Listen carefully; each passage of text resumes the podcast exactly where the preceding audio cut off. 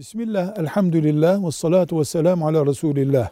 Erkek ve kadın nikahlanmak için masaya oturmuşlar. Nikahları akdedilirken erkek demiş ki ben evin ekonomik sorumluluğunu üstlenmeyeceğim. Senin maaşınla idare edeceğiz.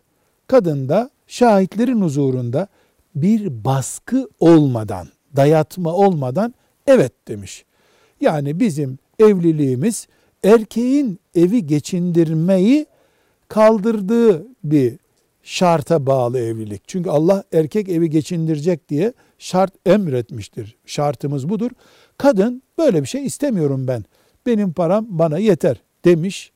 Bunu kabul etmiştir. Akitte bu konuşulmuştur.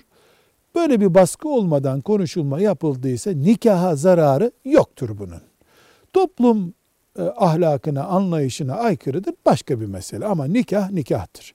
Velhamdülillahi Rabbil Alemin.